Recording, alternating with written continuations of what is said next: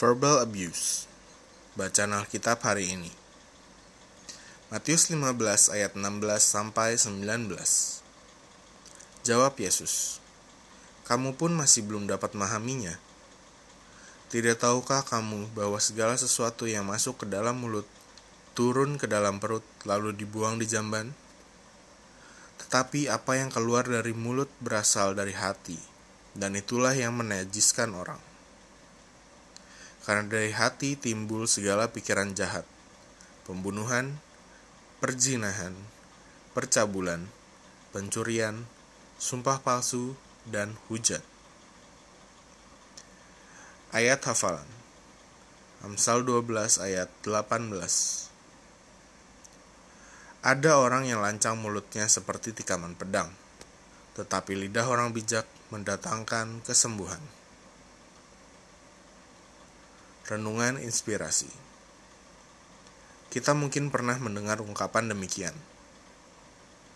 Ucapan saya memang kasar, tapi hati saya tidak demikian. Walaupun saya kasar, tapi itulah saya, karena saya tidak munafik. Jika saya bicara kasar, memang beginilah saya.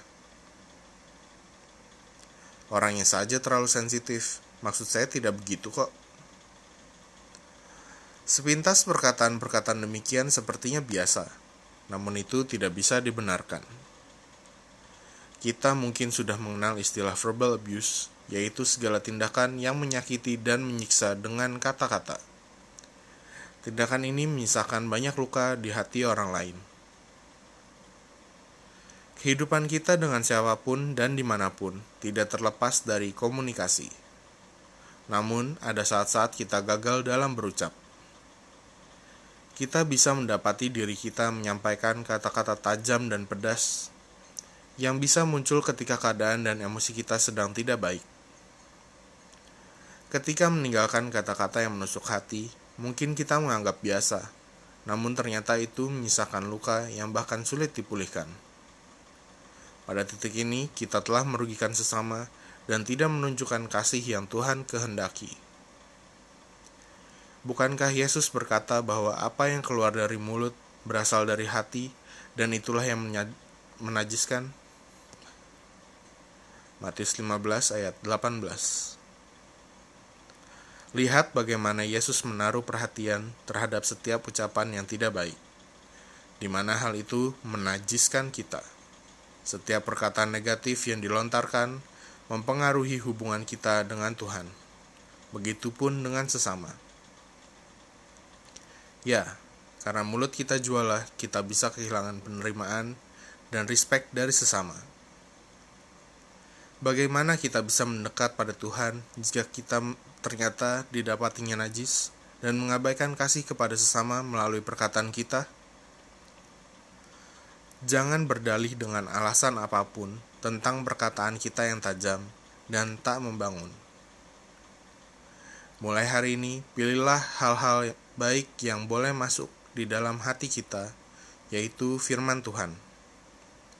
Penuhilah bejana hati kita dengan firman-Nya, sampai tak ada yang jahat yang keluar dari perbendaharaan hati kita yang baik. Kita bisa melatihnya seperti disiplin membaca firman Tuhan dengan bersuara, agar telinga kita mendengarnya dan itu tersimpan di hati kita.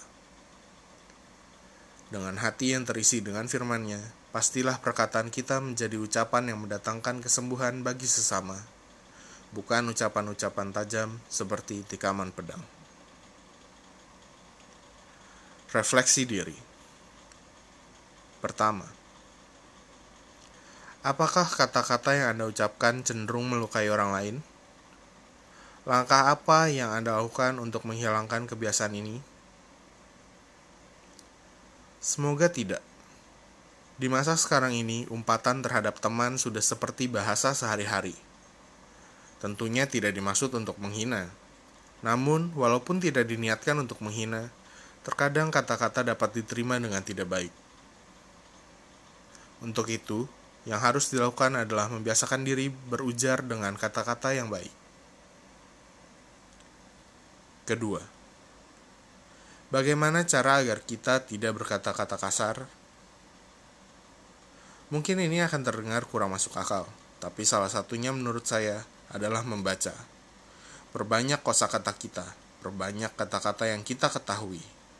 Dengan begitu, kita mempunyai banyak pilihan kata-kata baik yang bisa kita gunakan saat berujar.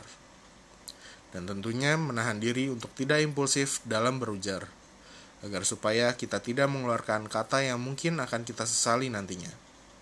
Serta selalu minta diingatkan oleh Roh Kudus setiap saat. Pokok doa. Ya Tuhan, ampuni aku jika ada ucapanku yang melukai sesamaku. Aku mau berkomitmen untuk menjaga setiap perkataanku sehingga hidupku layak di hadapanmu dan memberkati sesamaku. Tolong aku roh kudus, dan dalam nama Yesus aku berdoa. Amin. Yang harus dilakukan. Selalu isi hati kita penuh dengan kebenaran firman Tuhan, sehingga ucapan-ucapan kita tidak melukai orang lain. Hikmat hari ini Bagian dari pengudusan kita adalah menjaga perkataan kita.